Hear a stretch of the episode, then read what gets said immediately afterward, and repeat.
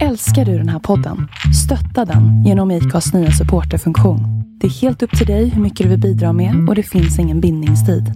Klicka på länken i poddbeskrivningen för att visa din uppskattning och stötta podden.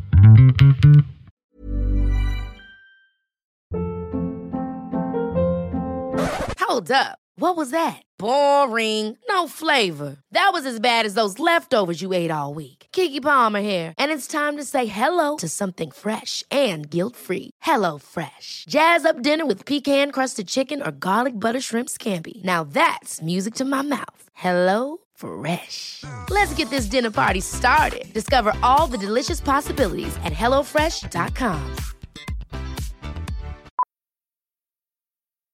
Millions of people have lost weight with personalized plans from Noom, like Evan, who can't stand salads and still lost 50 pounds. Salads, generally, for most people, are the easy button, right? For me, that wasn't an option. I never really was a salad guy. That's just not who I am. But Noom worked for me. Get your personalized plan today at Noom.com. Real Noom user compensated to provide their story. In four weeks, the typical Noom user can expect to lose one to two pounds per week. Individual results may vary. Hi, I'm Daniel, founder of Pretty Litter. Did you know cats tend to hide symptoms of sickness and pain? I learned this the hard way after losing my cat, Gingy. So I created Pretty Litter, a health monitoring litter that helps detect early signs of illness by changing colors, saving you money and potentially your cat's life. Pretty Litter is veterinarian developed, and it's the easiest way to keep tabs on your fur baby's health right at home. Go to prettylitter.com and use code ACAST for 20% off your first order and a free cat toy. Terms and conditions apply. See site for details. Hej, det är Melinda här. När jag och min man köpte vårt hus så ville vi självfallet skydda det mot inbrott, brand och vattenskador. Vi tog in offerter från lite olika larmbolag men valde därefter Säkra Larm. Vi gillade Säkra Larms koncept med att äga sitt larm och slippa de dyra abonnemangsavgifterna. Samtidigt som vi fick det smarta hemmet. Vi rekommenderar varmt en säker, smart och prisvärd larmlösning ifrån Säkra Larm. Besök säkralarm.se du med! Hej alla lyssnare! Inför detta avsnitt med Torsten Jansson så vill jag passa på att tacka Jenny med personal på Costa Boda Art Hotel för en fantastisk upplevelse och service av världsklass. Så, så att detta kan jag varmt rekommendera till er kära lyssnare. Men nu, nu kör vi! Hej och välkomna ska ni vara till ett nytt avsnitt utav Sveriges mest tongivande podcast. Två låtar och en kändis. Denna veckas gäst startade sin sagolika entreprenörkarriär med att trycka t-shirts hemma i Dingle i mammas källare. Det kom att leda honom till att bli grundare och huvudägare av New Wave Group-koncernen och där även han har fått det Kungliga Patriotiska Sällskapets näringslivsmedalj för sitt framgångsrika entreprenörskap. Kära lyssnare, låt mig nu med största stolthet och respekt välkomna Torsten Jansson. Tack så mycket. Du, en stor ära att få komma hit och träffa dig här idag. Ja, det är väl bara kul. Mm. Hur står du till med Torsten en dag som denna? Det är bra tycker jag. Mm. Det varit en skön sommar och eh, bra fart i affärerna. Så att, nej, det känns bra. Mm. Jag har läst på lite grann, eller så gott jag har kunnat i alla fall. Och det sista kvartalet, det har ju varit bättre än någonsin om jag har förstått det hela rätt. Ja, det är korrekt. Det är faktiskt de sista sex kvartalen har varit bättre än någonsin jämfört med samma kvartal tidigare. Oj, de sista sex alltså? ja. Ja. Du, vi ska komma in mer på det för att det är ju naturligtvis väldigt intressant. Eh, Men jag tänker ju säga att den här podden handlar ju också till stor del om ett ämne som heter musik. Och jag tänker att det liksom egentligen affärer, det är ett ämne som berör oss alla på ett eller annat sätt. Absolut. Jag lyssnar jättemycket på musik. Har du någon sån där speciell eh, lista som du går igång på när du ska göra affärer? Nej, ja... Eye of a Tiger lyssnar jag på när jag behöver ha motivation. Ja, ja det, det är en bra låt att lyssna till faktiskt. Det är helt klart så. Var det svårt för dig att välja ut två låtar tills idag? Den första var enkel. Den andra var lite svårare faktiskt. Du ska få Det, det berätta fanns mer. ett gäng att välja på där. Ja, du ska få berätta mer om de låtvalen sen. De ska vi inte avslöja riktigt än, men vi kommer dit. Du är född den 16 september 1962 och uppväxt i Dingle. Helt korrekt. Och då tänker jag så här att då måste jag ju passa på att fråga, vad är ditt absolut första musikaliska minne från en tidig ålder som du kan härleda till? Eh, det absolut första, jag skulle tro att det är Beatles, för det spelar min stora syster mycket. Det gick varmt hemma. Det gick varmt hemma. Ja. Var det något du också föll för? Nej, faktiskt inte. Nej. Det gjorde jag inte. Nej, du fick mer stå ut med det. Jag fick mer stå ut med det. ja, jag var lite mer Sweet och Slade och Ja. Nazareth och Status Quo och sådär.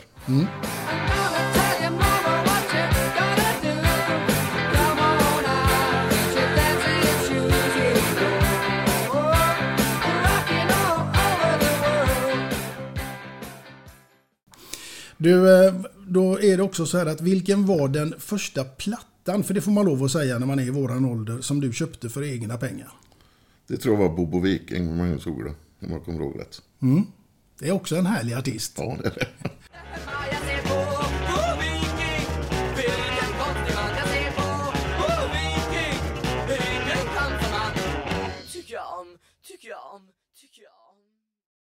Du, eh, när i tiden, för att återgå till din karriär här, så upptäckte du entreprenörskapet i dig? Det gjorde jag nog egentligen inte, utan det var ju, jag var inte sådär värst mycket för att gå i skolan. Eh, så det blir ju nästan en konflikt hemma efter båda mina föräldrar var lärare då. Så att efter högstadiet så läste jag kortast möjliga linje och det var tvåårig social. Och sen gjorde jag med militärtjänst och sen började jag på ett mejeri. Och det var jag inte mer än sex månader. Jag hade sommarjobbat där ibland någon gång tidigare. Men efter några månader tänkte jag att jag kan inte stå här resten av livet. För man stod och la på och tog av mjölkbackar. Eh, och då såg jag en ren tillfällighet en annons eh, om att trycka t-shirt.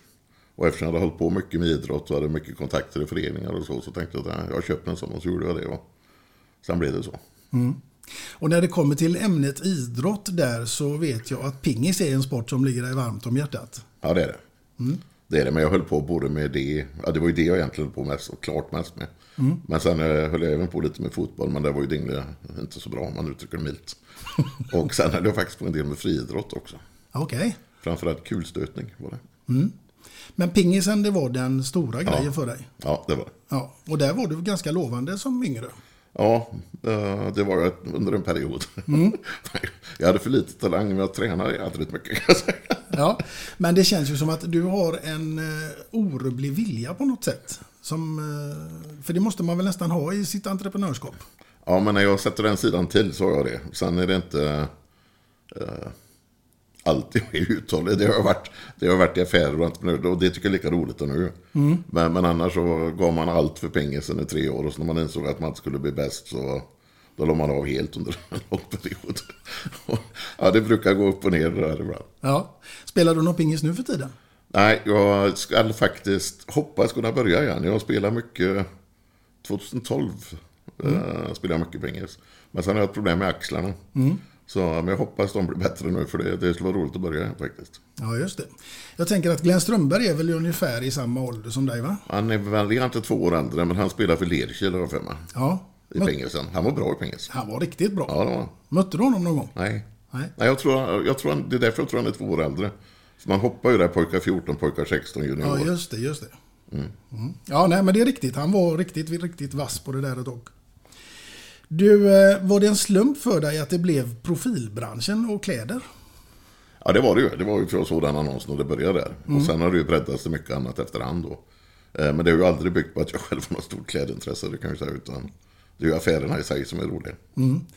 Men du började alltså med att trycka t-shirtar med eh, sport. Ja, På- med, med förenings...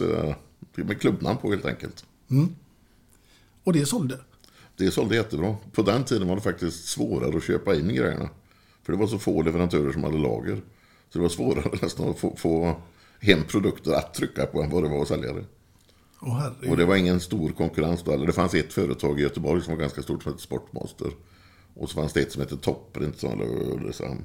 Ja, just det. Och sen hade vi Sport-Johan, det var väl de tre. Sport-Johan i Borås där ja. Ja, just det, precis. ja. ja. Men du, eh, när märkte du liksom att du kunde försörja dig på att trycka de här t-shirtarna? Det kom ganska snabbt eller? Ja, det tog väl ett par år. Så att eh, första åren när jag hade startat så jobbade jag ju extra en del helger och sen sommaren som ordningsvakt. Och sen var jag borgarbrandman i fem år tror jag, där i starten. Och sen kunde jag leva på det.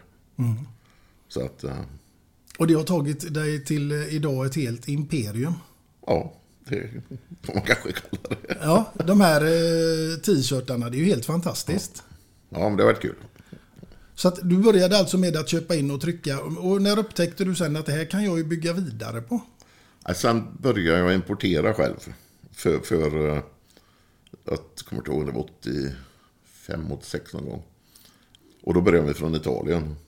Och sen eh, slutade vi egentligen 1990, 1990 och sälja direkt till företag och föreningar. Jag började sälja till återförsäljare istället.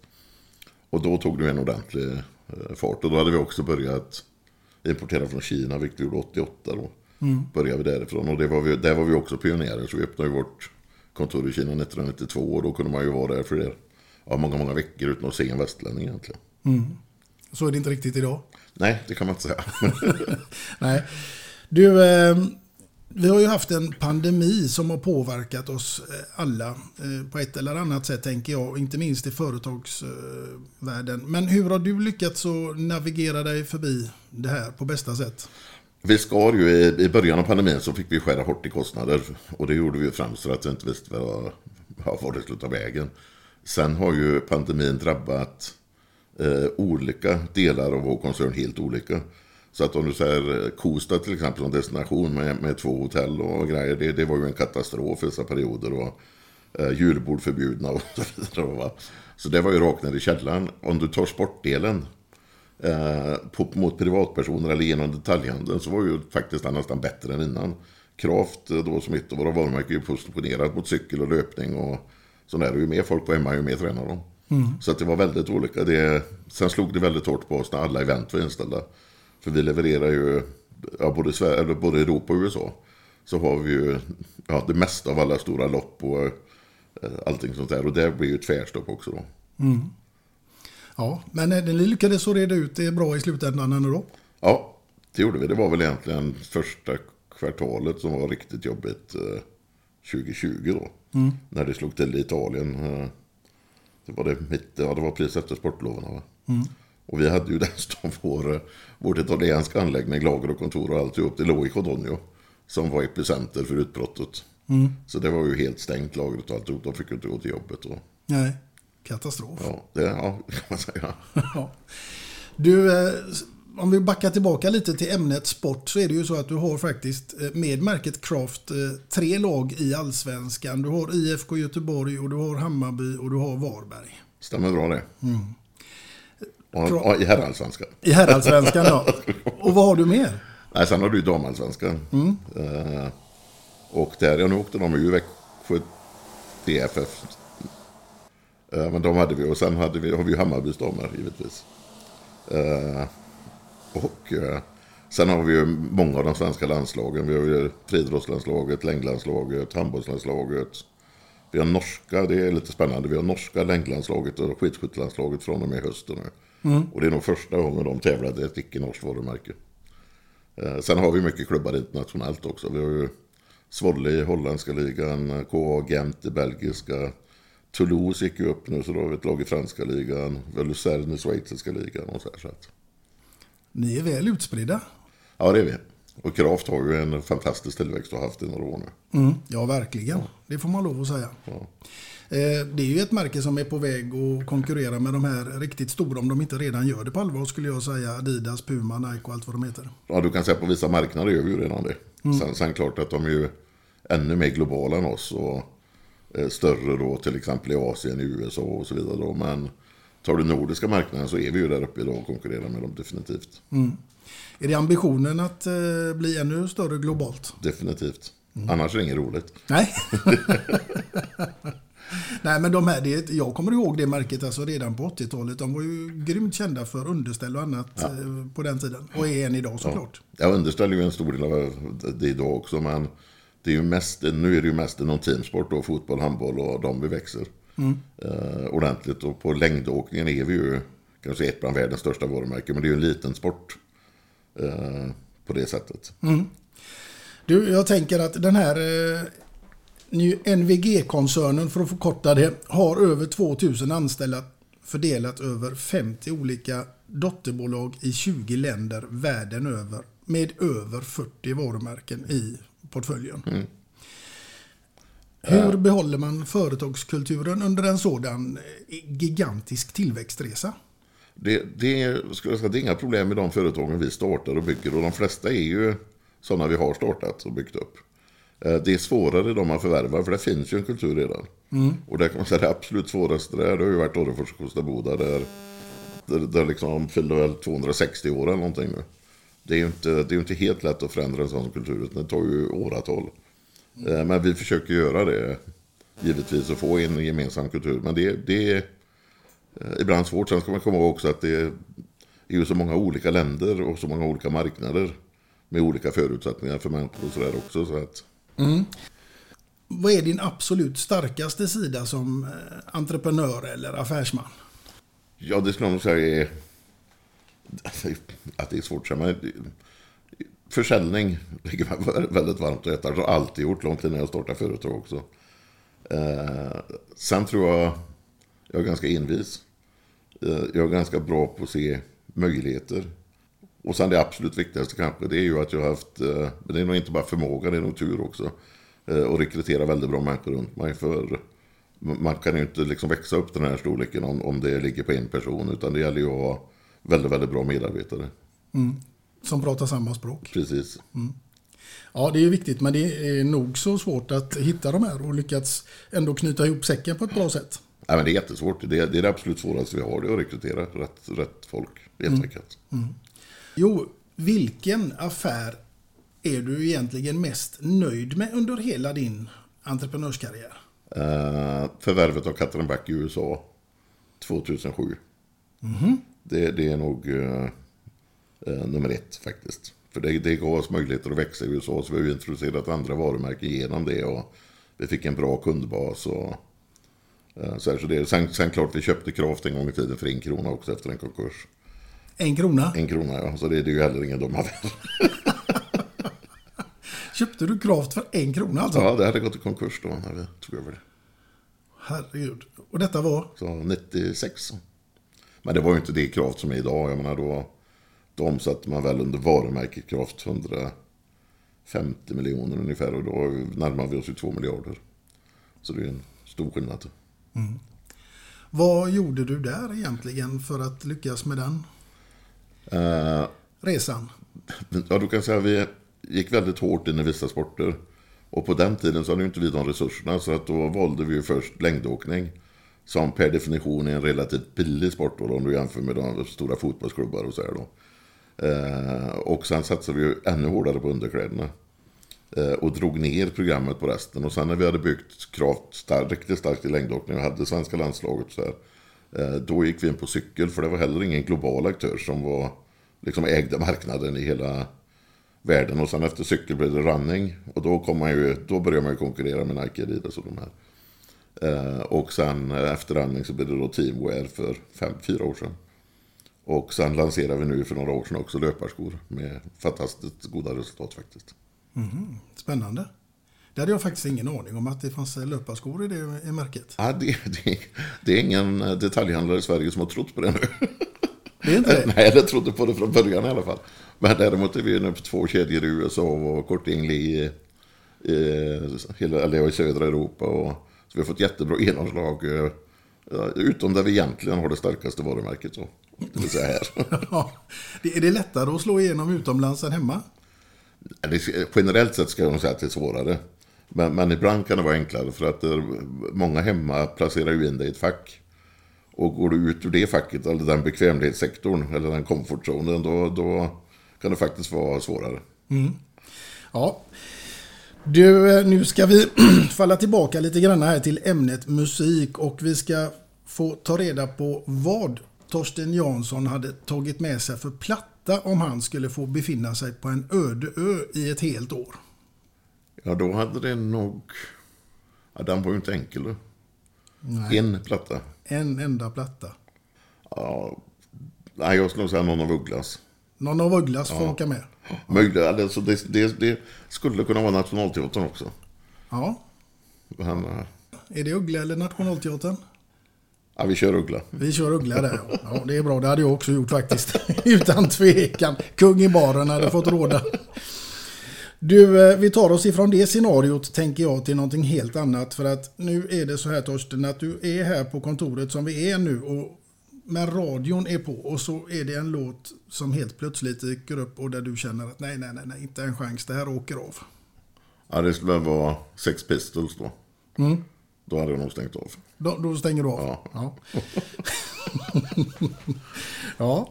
Du, eh, det är så här också att eh, vi ska ta ett annat scenario och den är ganska spännande tycker jag. Därför att nu är det så här att du ska ha en middagsgäst hemma hos dig som du ska bjuda på middag. Och eh, det får vara precis vem som helst. Det är bara fantasin som sätter gränserna här. Jag skulle vilja veta vem det hade varit, vad ni hade ätit och vilken låt som hade fått ligga där i bakgrunden till detta fantastiska scenario. Gäst, en gäst, en gäst, en gäst. Richard Branson Mm. Hade jag nog valt. Och vi hade ätit skaldjur och fisk. I Skaldjur och olika fisk. former. Ja. Ja. Och en låt i bakgrunden där till den här härliga middagen. ja, det skulle ha varit David Bowie. Vad heter den låten med Grand Control? Vad heter den? Det- När, när han skjuter upp en raket och sen. Jag tänkte på Branson håller ju på med raketer också. Major Tom kan heta det. Det kan han nog göra, ja. This is Major Tom to ground control. I'm stepping through the door. And I'm floating in a most peculiar way. Ja, den är i alla fall med i texten. Ja, vad hade du suttit och diskuterat med honom då? Entreprenörskap och affärer. Och hur han har sett på det, hur han har byggt Virgin och... Hade det blivit. Mm. Tror du att ni hade haft många likheter? Ja, en del i alla fall. Ja. Tror jag. Ja, Det tror jag. absolut. Spännande val. Där hade man velat vara en fluga på väggen och sitta och lyssna. Det är för det är ju så att försäljning är ju egentligen ett ämne som berör oss alla människor. En del eh, säger ju att de hatar säljare men de är ju egentligen säljare själva också för de ska sälja in sig när de i sitt CV eller på krogen eller vad det nu kan vara. Men jag- alltså, jag kan också hata säljare. Även om jag, älskar försäljning. Och det jag, jag tycker själv inte om säljare som är för påstridiga. Eller ska sälja på en för mycket.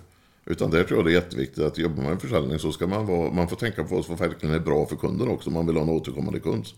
Så, så det är många säljare jag har träffat i livet som jag tycker inte alls om. Det kan jag säga. Talar du om det för dem då? Det märks nog Ja, jag är ju själv säljare till vardags och eh, gick en eh, säljskola en gång i tiden som eh, kommer ifrån Luxskolan. Det, det vill säga de här gubbarna som gick och sålde dammsugare. Ja, Nu har vi haft en säljkurs här också.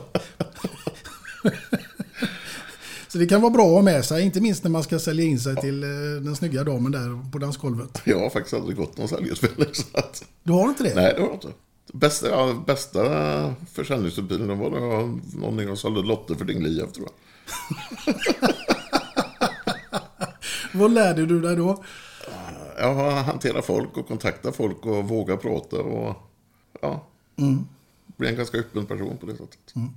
Ja, det är helt, har, du har ingen utbildning utan du är helt självlärd Ja, egentligen. jag har ju två år i social, men, det handlar inte så mycket om försäljning eller marknadsföring. Eller entreprenörskap. Nej, det gjorde det inte. Nej, du är helt självlärd. Ja, det kan man säga. Ja, sen har jag ju lärt mig många andra som man har träffat under åren och sådär. Eh, och jag har ju många vänner på olika ställen i näringslivet som jag har lärt mig jättemycket av. Så att. Men ingen formell utbildning. Nej. Du har ju som sagt var en helt otroligt eh, stor framgångskarriär som entreprenör. Men har du haft några riktiga bakslag? Ja, absolut. Vi, vi hade ju jättetufft med hela koncernen under finanskrisen 2000, slutet 2008-2009. Då var det ju bra. Vi, vi gick fortfarande med vinst, men, men vi hade en bank som tyckte vi var överbelånade. Eh, som vi la tillbaka väldigt mycket pengar på kort tid. Eh, vi, vi lyckades med det, men då var det tufft. Sen har man ju enskilda bakslag alltid. Eh, Jag menar, ibland går ju vissa bolag bättre än vad man kanske hade hoppats på. Och ibland får man ju kämpa länge. Eh, svåraste landet till exempel, där vi tog åtta år till lönsamhet. Eh, det var Frankrike. Och då kan du jämföra det med, och då etablerade vi från noll då. Så kan du jämföra det med Schweiz till exempel, där vi var lönsamma efter ett och ett halvt år. Så att det, det varierar ju. Och mycket handlar ju om vilka du liksom lyckas rekrytera och, och så här då. Åtta år, det är en lång tid. Det är en lång tid. Men jag var he- helt säker på hela tiden att vi skulle lyckas till slut. Och det gjorde vi. Och idag är det ett av de mer lönsamma länderna faktiskt. Det låter som att du har en stor portion tålamod. Ja, det, men ja, det har jag på det sättet. Inte på andra sätt. Men, men just att se saker långsiktigt så, det, det, då har jag tålamod. Hur lång tid tar det att bygga upp någonting egentligen från noll om man ska bygga ett eh, varumärke? Jag tror vi... Ja, bygga upp ett nytt företag i ett nytt land, det tror jag vi snittar på tre, tre och ett halvt år till lönsamhet. Eh, Ska du starta ett varumärke från scratch, det kan ju vara extremt långa tider, såvida du inte kommer på någon helt ny innovation eller någonting då. Men jag menar, som, tar vi Kraft som exempel igen så är det snart, vad är det, 15 års idogt arbete. Så det tar ju tid. Och du blir heller aldrig riktigt mätt på framgångarna utan du söker hela tiden nya... Ja, absolut, men jag, jag tror det beror på flera saker. De, dels är det ju att om det hade varit samma New Wave idag som det var när jag startade, då tror inte jag jag hade tyckt det var roligt. Utan det som har varit roligt är ju hela tiden att starta nytt och bygga upp och det blir andra verksamheter över nya länder och man lär sig nya saker hela tiden. Det är väl en faktor. Sen, sen den andra faktorn är ju att vi är ju börsnoterade och har 16-17 000 aktieägare någonstans. Och den dagen jag inte är hungrig, den dagen ska inte jag vara vd, för då förtjänar de bättre. Det är ju faktiskt ett större ansvar att jobba med andras pengar än med sina egna pengar. Ja, absolut. Så, så hade man ägt alltihop själv så då kanske man inte lugnare. Men eh, du sitter eh, ganska lugn och avslappnad här idag tycker jag. Ja, men jag är ganska lugn oftast. Ja. Hur ser en vanlig dag ut för dig? Det går nästan inte att beskriva. Eh, För, för då, alltså det varierar så oerhört. Nu kan man säga att det har varit ett extremt annorlunda liv under pandemin. Men går vi tillbaka innan så, så låg jag ju på en 225 resdagar om året. Och då flängde man ju bara runt mellan länder och världsdelar. Eh, Sen kan man ju undra i efterhand varför man gjorde det. När man har sett att det fungerar alldeles lysande att sitta härifrån. Hyggligt mycket i alla fall. Ja, ja det har ju, det har, så, det det har jag- pandemin bevisat. Ja, ja jag, jag ska aldrig mer resa så mycket igen. Alltså det, jag saknar resandet för att det är där man får mycket idéer. Eh, när man är runt i det ena. Och sen tycker jag det är svårt att bygga upp nya kontakter och relationer på, på Teams och möten och så. Men, men liksom de man har känt i 20 år. Eh, det är ju inga problem att sköta det via Teams och, annat. Då, så att det... Nej. Minst halverat resande för min del framåt jämfört med vad det var innan pandemin. Ja, men det är väl ändå bra. Det är jättebra. Skapa Och tid. det blir otroligt mycket effektivare. Ja, vi hade två styrelsemöten igår i två amerikanska bolag.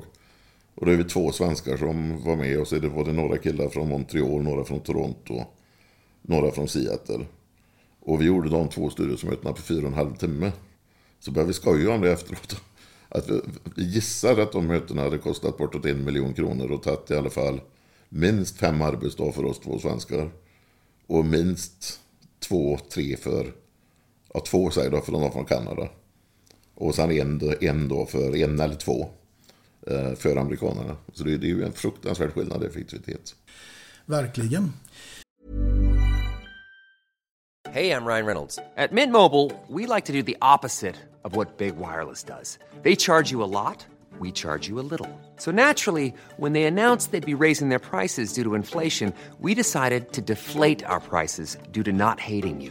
That's right. We're cutting the price of Mint Unlimited from $30 a month to just $15 a month. Give it a try at mintmobile.com slash switch. $45 upfront for three months plus taxes and fees. Promo for new customers for limited time. Unlimited more than 40 gigabytes per month. Slows. Full terms at mintmobile.com. I'm Sandra, and I'm just the professional your small business was looking for. But you didn't hire me because you didn't use LinkedIn jobs. LinkedIn has professionals you can't find anywhere else, including those who aren't actively looking for a new job but might be open to the perfect role, like me.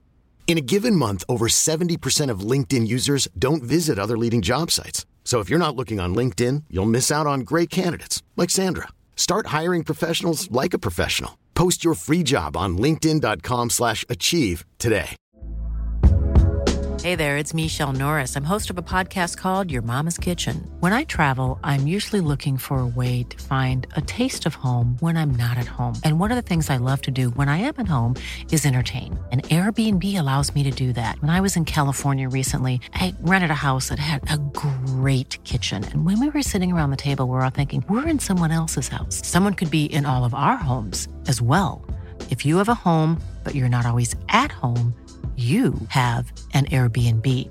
Your home might be worth more than you think.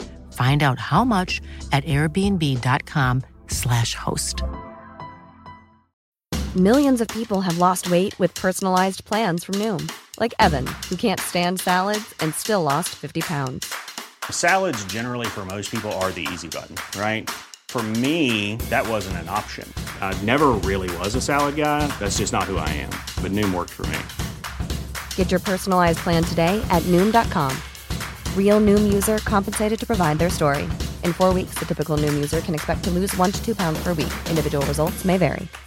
Hey, Dave. Yeah, Randy. Since we founded Bombus, we've always said our socks, underwear, and t shirts are super soft. Any new ideas? Maybe sublimely soft. Or disgustingly cozy. Wait, what? I got it. Bombus. Absurdly comfortable essentials for yourself and for those facing homelessness. Because one purchased equals one donated. Wow, did we just write an ad?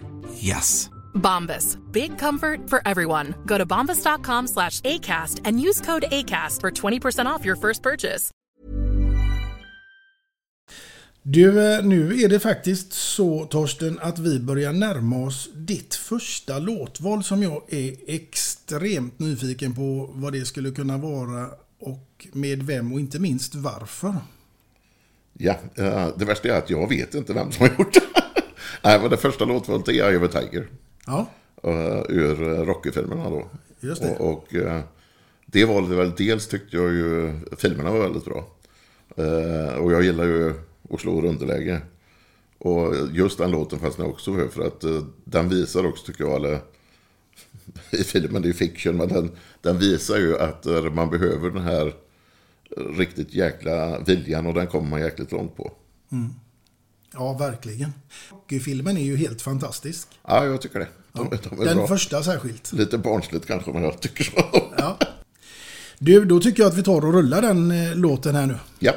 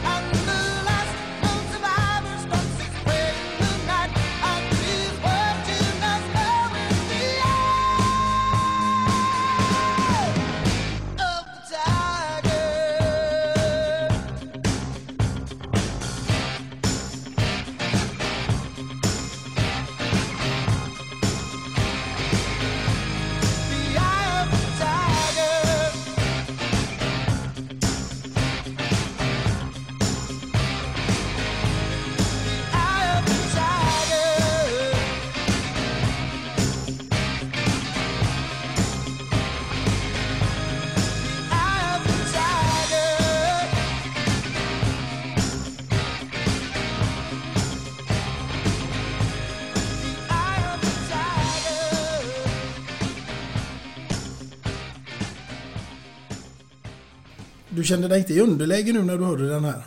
Nej. Nej.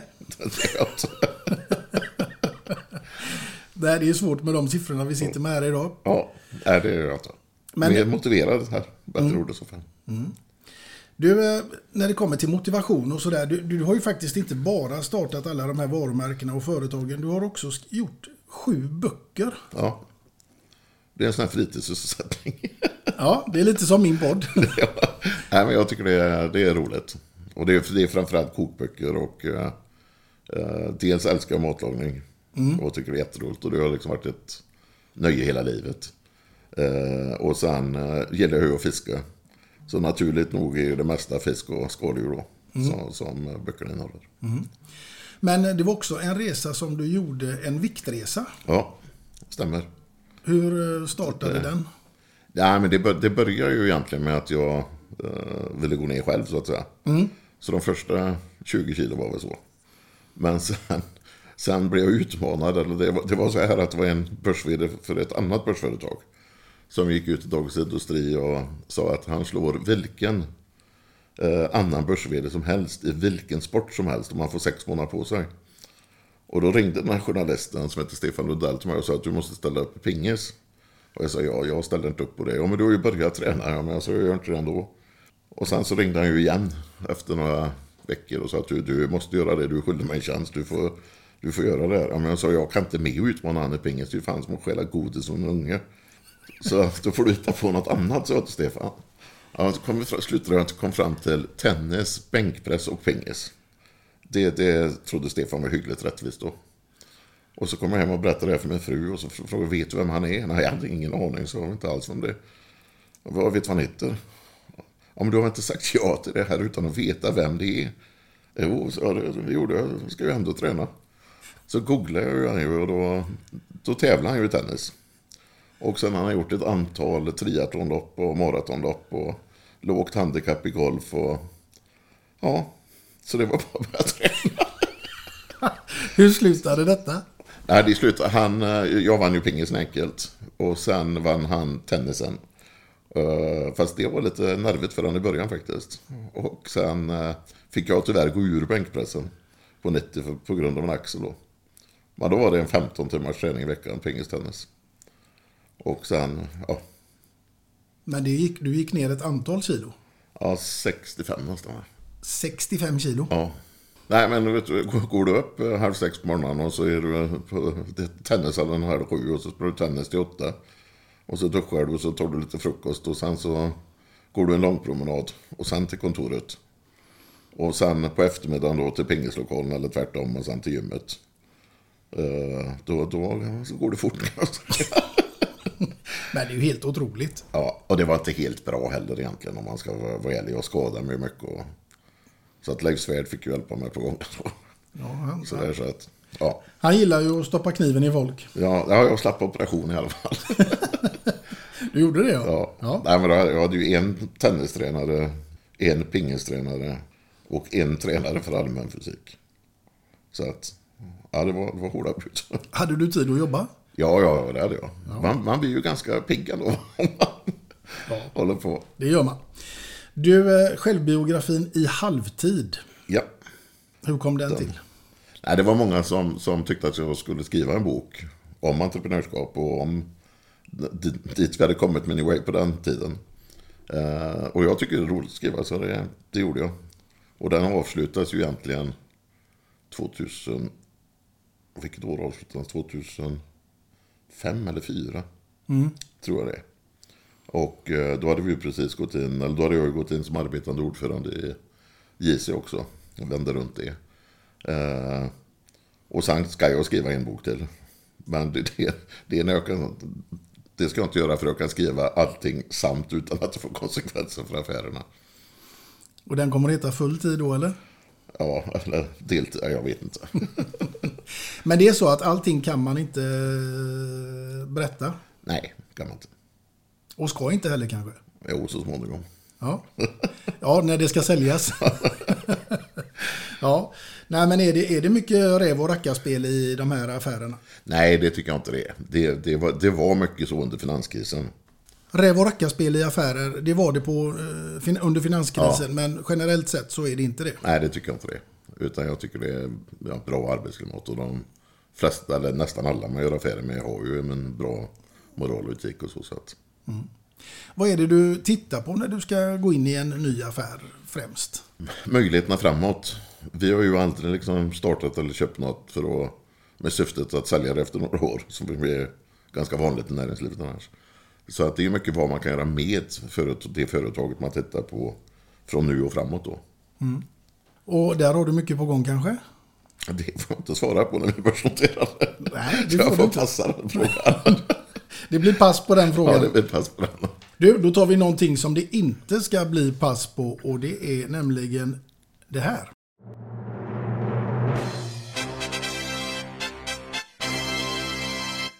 Och där hörde vi signalen för fem snabba. Och nu ska det bli väldigt intressant att höra vad Torsten svarar på de här. Är du redo? Jag är redo. Vara bäst bland de sämsta eller sämst bland de bästa? Sämst bland de bästa. Sämst bland de bästa? Ja. Omsättning eller tillväxt? Omsättning. Åka Vasaloppet med Leif GW eller cykla Vätternrundan med Bert Karlsson? Vasaloppet. Vasaloppet med Leif GW. Fulöl och fuldans eller skumpa och tango? Ja, det får bli fulöl och fuldans eftersom jag inte kan tango. Ja. Surströmming eller levergryta på tallriken i en vecka? Levergryta, tveklöst. Tveklöst. Ja. Ja, men det var väl ganska snabba svar. Ja, det var bara en där som jag drog ut på. Ja, det var Vasaloppet med Leif GW eller cykla Vätternrundan med Bert. Ja, jag har ju åkt Vasaloppet en gång och det var ju fruktansvärt jobbigt. Ja. Du har ju åkt Vasaloppet alltså? I sponsorbussen, ja. Ja. Rått. I spon- Det var jobbigt nog.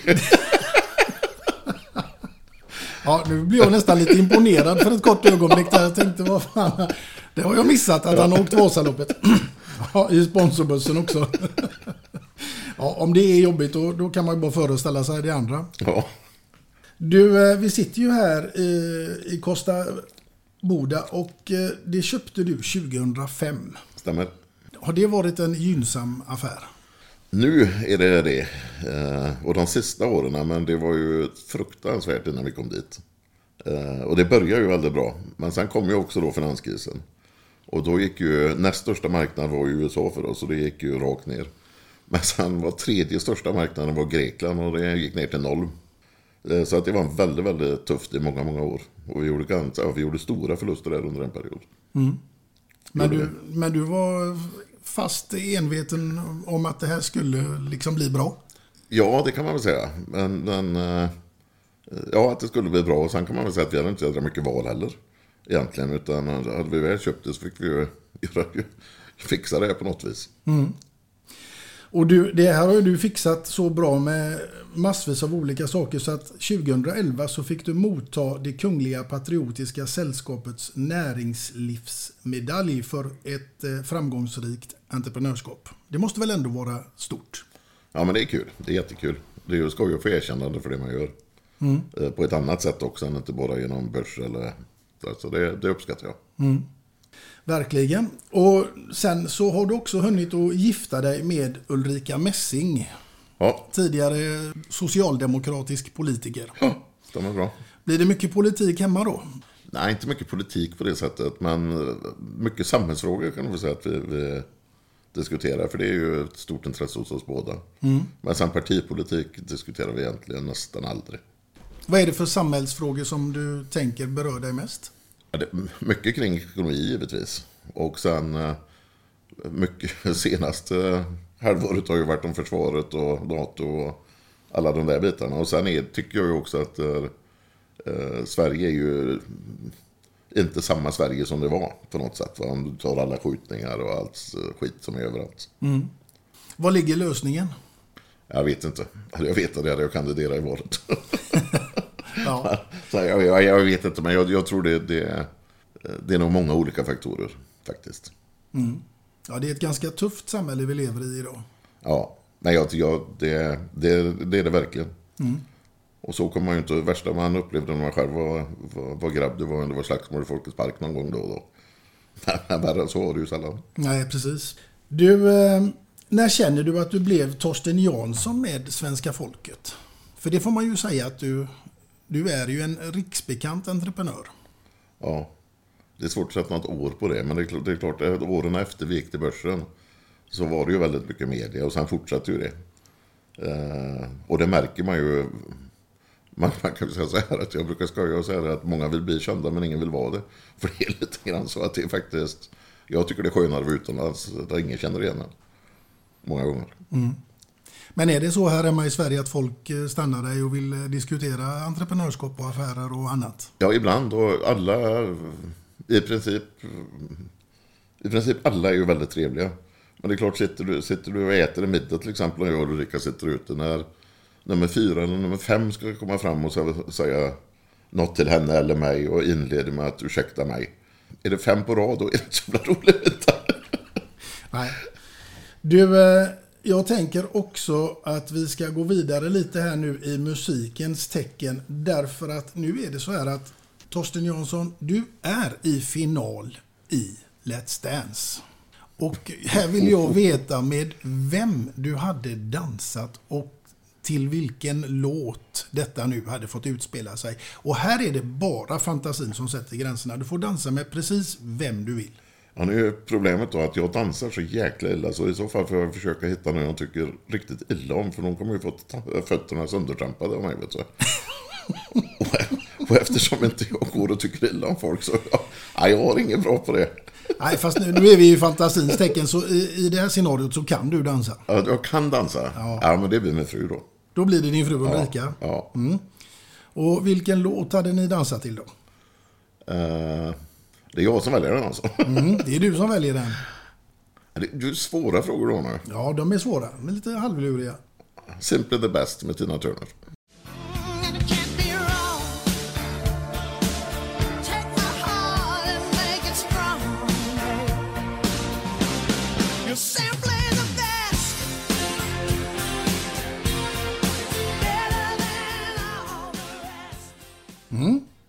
Jag tror till och med Tony Irving hade gått igång på det här. Alltså. Ja. Hör ni det här nu TV4? Ta in eh, Torsten och Ulrika i en eh, Let's Dance-dans här. Vi tar oss ifrån Let's Dance-golvet till någonting helt annat i ämnet musik. Och då tänker jag att jag ska fråga vem som hade fått skriva sången eller visan om Torsten. Cornelis Vreeswijk. Cornelis Vreeswijk? Ja. Men det går ju inte längre. Men. Nej, men han hade fått Ja, uppdraget. han har fått uppdraget. Ja. Vad hade den visan handlat om? Ja, det är väl hans jobb att komma på. Ja, det, det har du helt rätt i. Men eh, jag tänker att vad tror du? Ja du. Inte trasiga skor i alla fall. Nej, inte trasiga t-shirts heller förhoppningsvis. Nej, jag tror inte det. Det här är förresten en fräck världsproducent. Tänk när tuppen äntligt kom, hönsen blev som galna de. Vilken kam man har, nu står den, vilken näbb, den är nog hård den. Hönsen flängde kring i yran, tuppen hade ett bestyr han. Men som han var frisk och sund fick vart hönsens kärleksstund. Men den kanske hade handlat någonting om att eh, du började trycka dem i en källare. Så kan det vara. Mm. Men det är han som vill vara låtskrivare, inte jag. Nej, precis. Jag tror den hade blivit bra i alla fall. Och ett bra val. Gillar du Cornelis? Ja, det gör jag. Mm. Har du någon sån här Spotify-lista som du brukar eh, köra när du vill bli på gott humör? Eh, det har jag. Ja, den- Den är min frus telefon, men där har jag. Ja, Och där är han med. där är den med. Ja. Du, nu är det faktiskt dags att komma in på ditt låtval nummer två som jag självklart också är extremt nyfiken på vad det skulle kunna vara och med vem och varför. Då är det Varning på stan med eh, Uggla. Och eh, varför? Jag lyssnade väldigt mycket på Uggla när jag var i en viss ålder och gick runt med jeansjacka med nitar och lite så här. Ja. Och jag gillar han. Men det, det var också ett svårt val. Det fanns många. Jag lyssnade väldigt mycket på Pugh Rogefeldt också, en del av hans. Och även Nationalteatern då. Mm. Men Magnus Uggla får ändå bli valet. Han får uppdraget. Och varning på stan. Ja.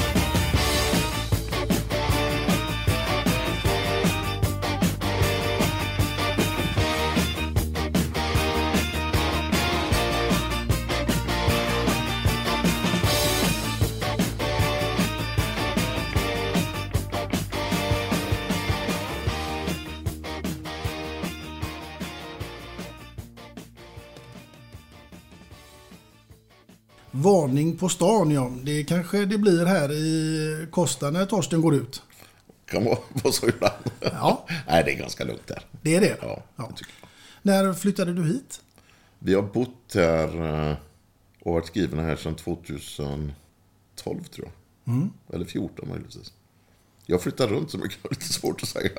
Men då har ni varit etablerade här ett tag. Ja, det har vi varit. Och du har också en liten passion för bilar. Ja, stämmer bra. Kan man se när man kommer in på uppfarten. Det har jag alltid haft faktiskt. Jaha, vilken är favoritbilen då? Det beror på om man ska åka långt eller köra för skojs skull. Ja, välj själv. Ja, men, ja, jag åker långt, då är det nog faktiskt en bil som inte står här idag. En Mercedes Maybach. Eh, Ska man ha skoj så är det en Ferrari Superfast. Mm. Då har man riktigt kul. Ja, men inte lika bekvämt. Nej. Men du, jag har hört någonstans också att du lyckades att slarva bort en Ferrari. Ja, det är ganska pinsamt. Ja. Nej, vi var i Stockholm och jobbade några dagar så jag parkerade den utanför lägenheten. Ja. Och eh, när jag kom ut nästa morgon så var den ju väck. Och jag var ju helt övertygad om att den var stulen. Så att jag ringde ju polisanmälde och allting och sen la ut på Facebook eh, och lite sociala medier eh, och beskrev den och så här. Och jag fick ju ganska mycket tips så att den var ju synlig på lite olika ställen ner mot Tyskland och gick den. Eh, Men sen ringde polisen på eftermiddagen och sa att du, den var felparkerad så det står du kan åka ut och hämta den på uppsamlingsplats. Ja, det var, det var väldigt pinsamt var det. Ja, men så jag fick tillbaka den samma eftermiddag. Ja, det var ju allt för väl att det slutade lyckligt Ja. i alla fall. Ja, det gjorde det.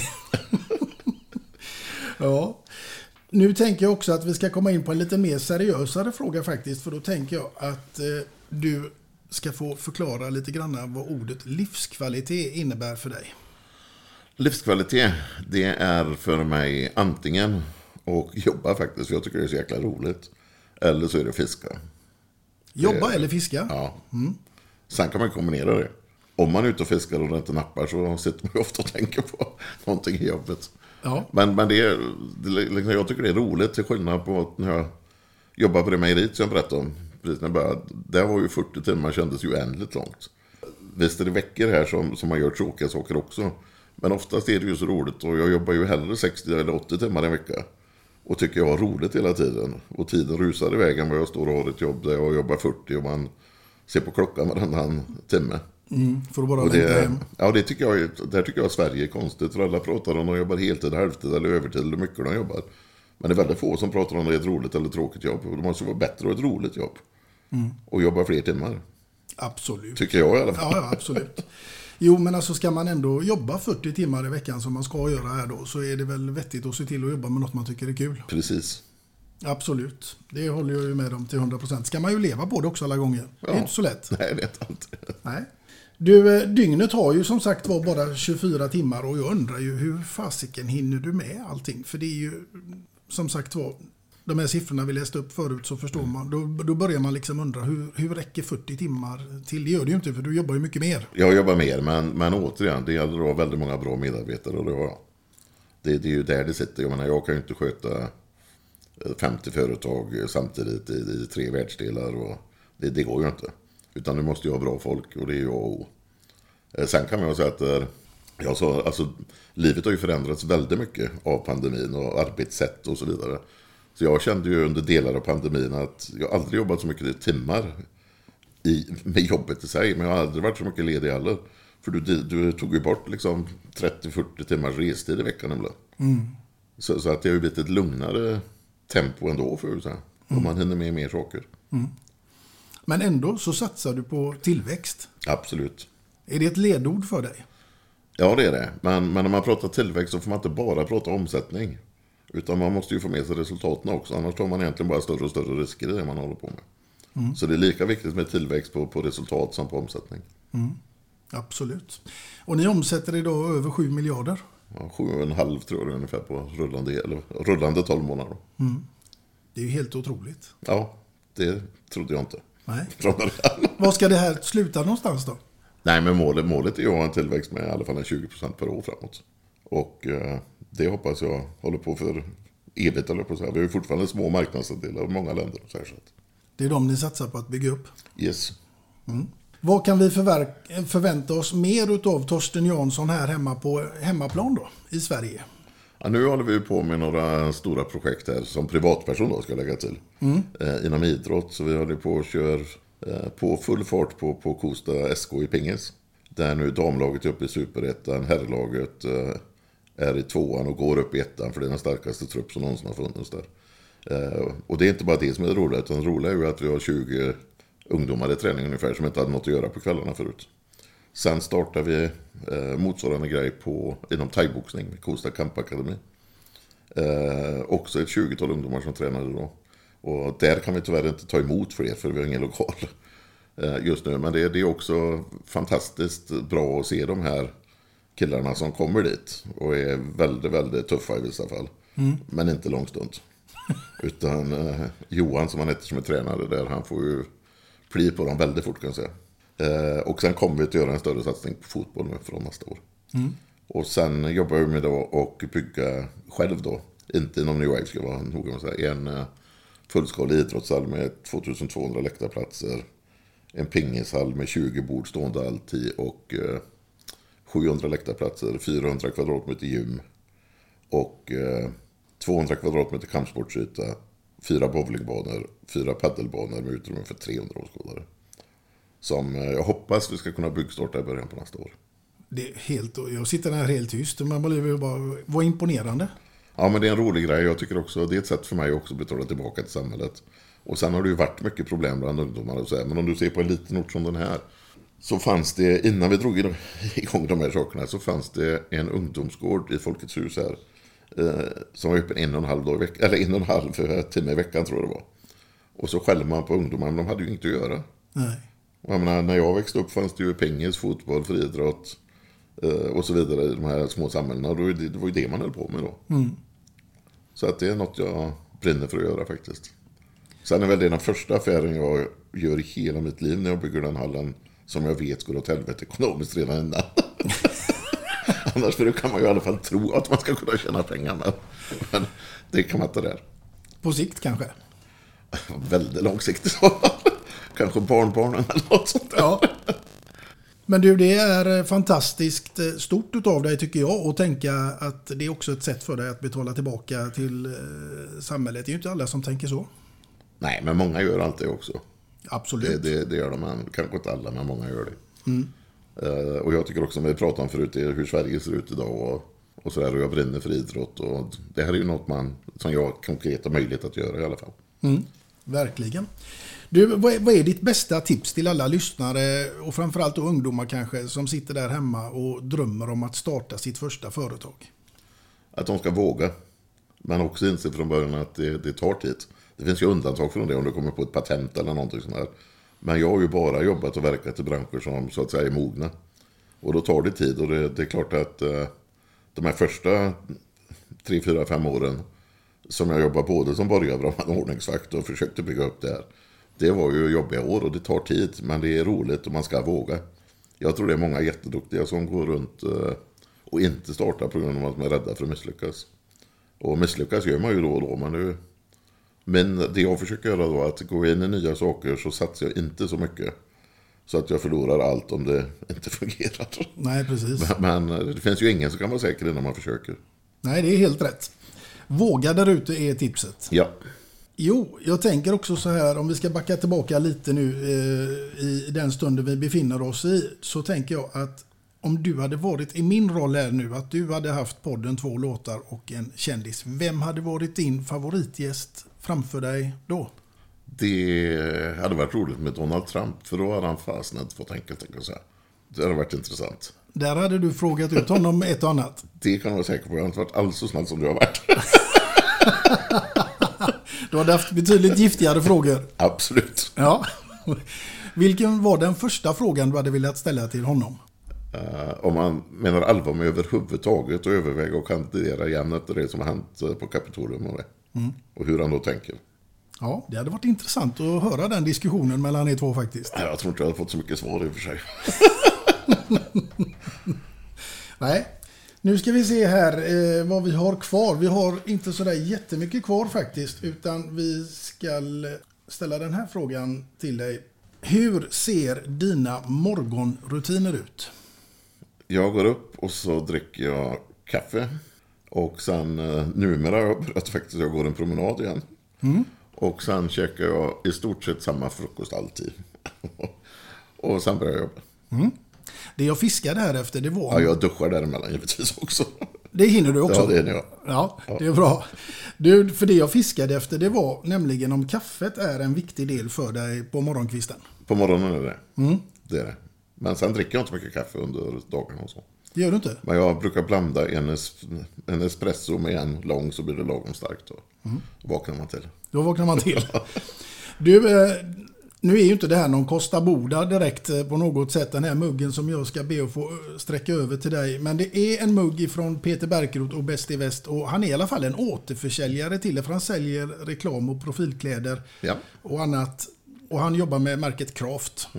Nu är den här muggen inte av märket Craft eller något annat och inte Costa Boda heller. Men det är två låtar och en kändis och ditt namn ingraverat. Och en sån här mugg får alla gäster som medverkar här. Så den vill jag sträcka över till dig. Tack så jättemycket. Mm. Den hoppas jag att du ska kunna ta en slurk morgonkaffe i vad det är i framtiden här. ska jag absolut göra. Ja.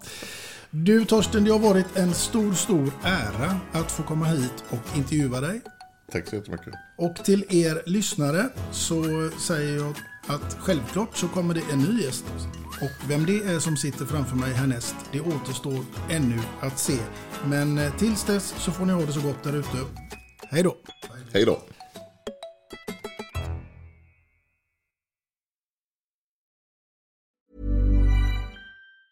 Ever catch yourself eating the same flavorless dinner three days in a row?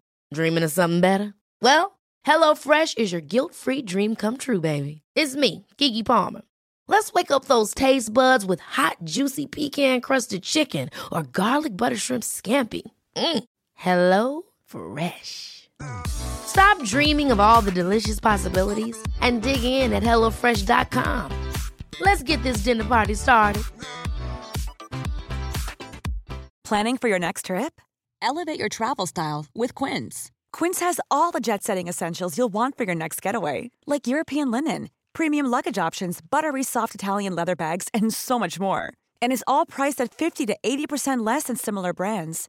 Plus, Quince only works with factories that use safe and ethical manufacturing practices. Pack your bags with high-quality essentials you'll be wearing for vacations to come with Quince. Go to quince.com slash pack for free shipping and 365-day returns.